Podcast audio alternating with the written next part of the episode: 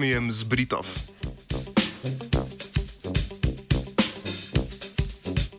Raziskovalna skupina z Univerze v Newcastlu je podpisala več kot 6000 proteinov povezanih z življenjskim ciklom mišjih spermijev. Delo na obsežnem proteinskem katalogu, ki so ga objavili v reviji Cell Reports, bi lahko pomembno spremenilo naše razumevanje neplodnosti in omogočilo razvoj novih nehormonskih kontraceptivov.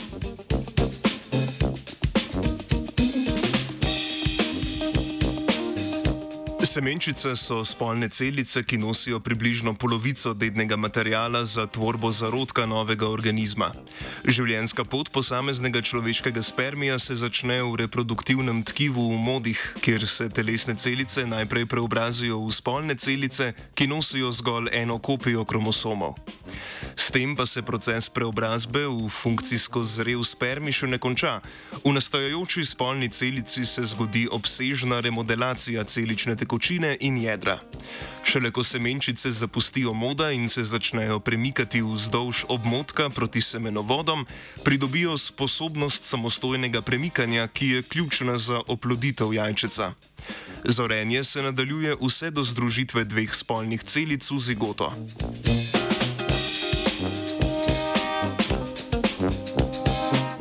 Obsežna funkcija in fizična preobrazba spermija je zgolj odsev strukturno-molekularnih sprememb med zorenjem, torej v proteinski in lipidni sestavi celice.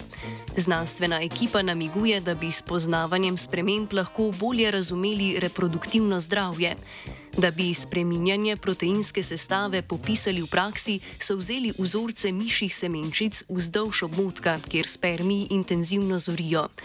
Izolirane celice so na to razgradili, celične proteine pa ločili s pomočjo visokoresolucijskih separacijskih metod. Izdelali so knjižnico, knjižico, knjižnico, ki primerja profil proteinov z različnih mest oduzema.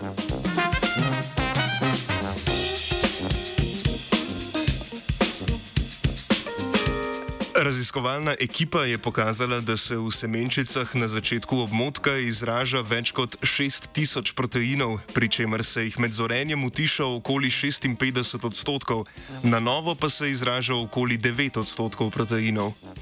Spremembe v izražanju zadevajo med drugim proteine, ki so pomembni za spermijevo sposobnost vstopanja v jajčice.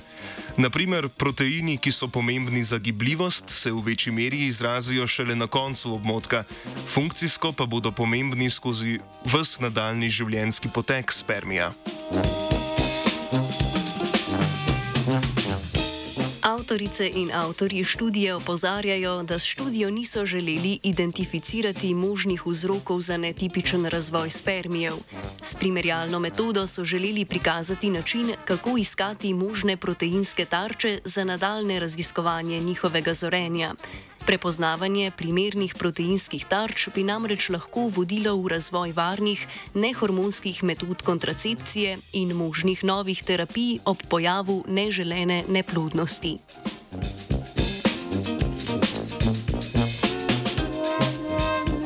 Plodno dopoledne si obeta Luka.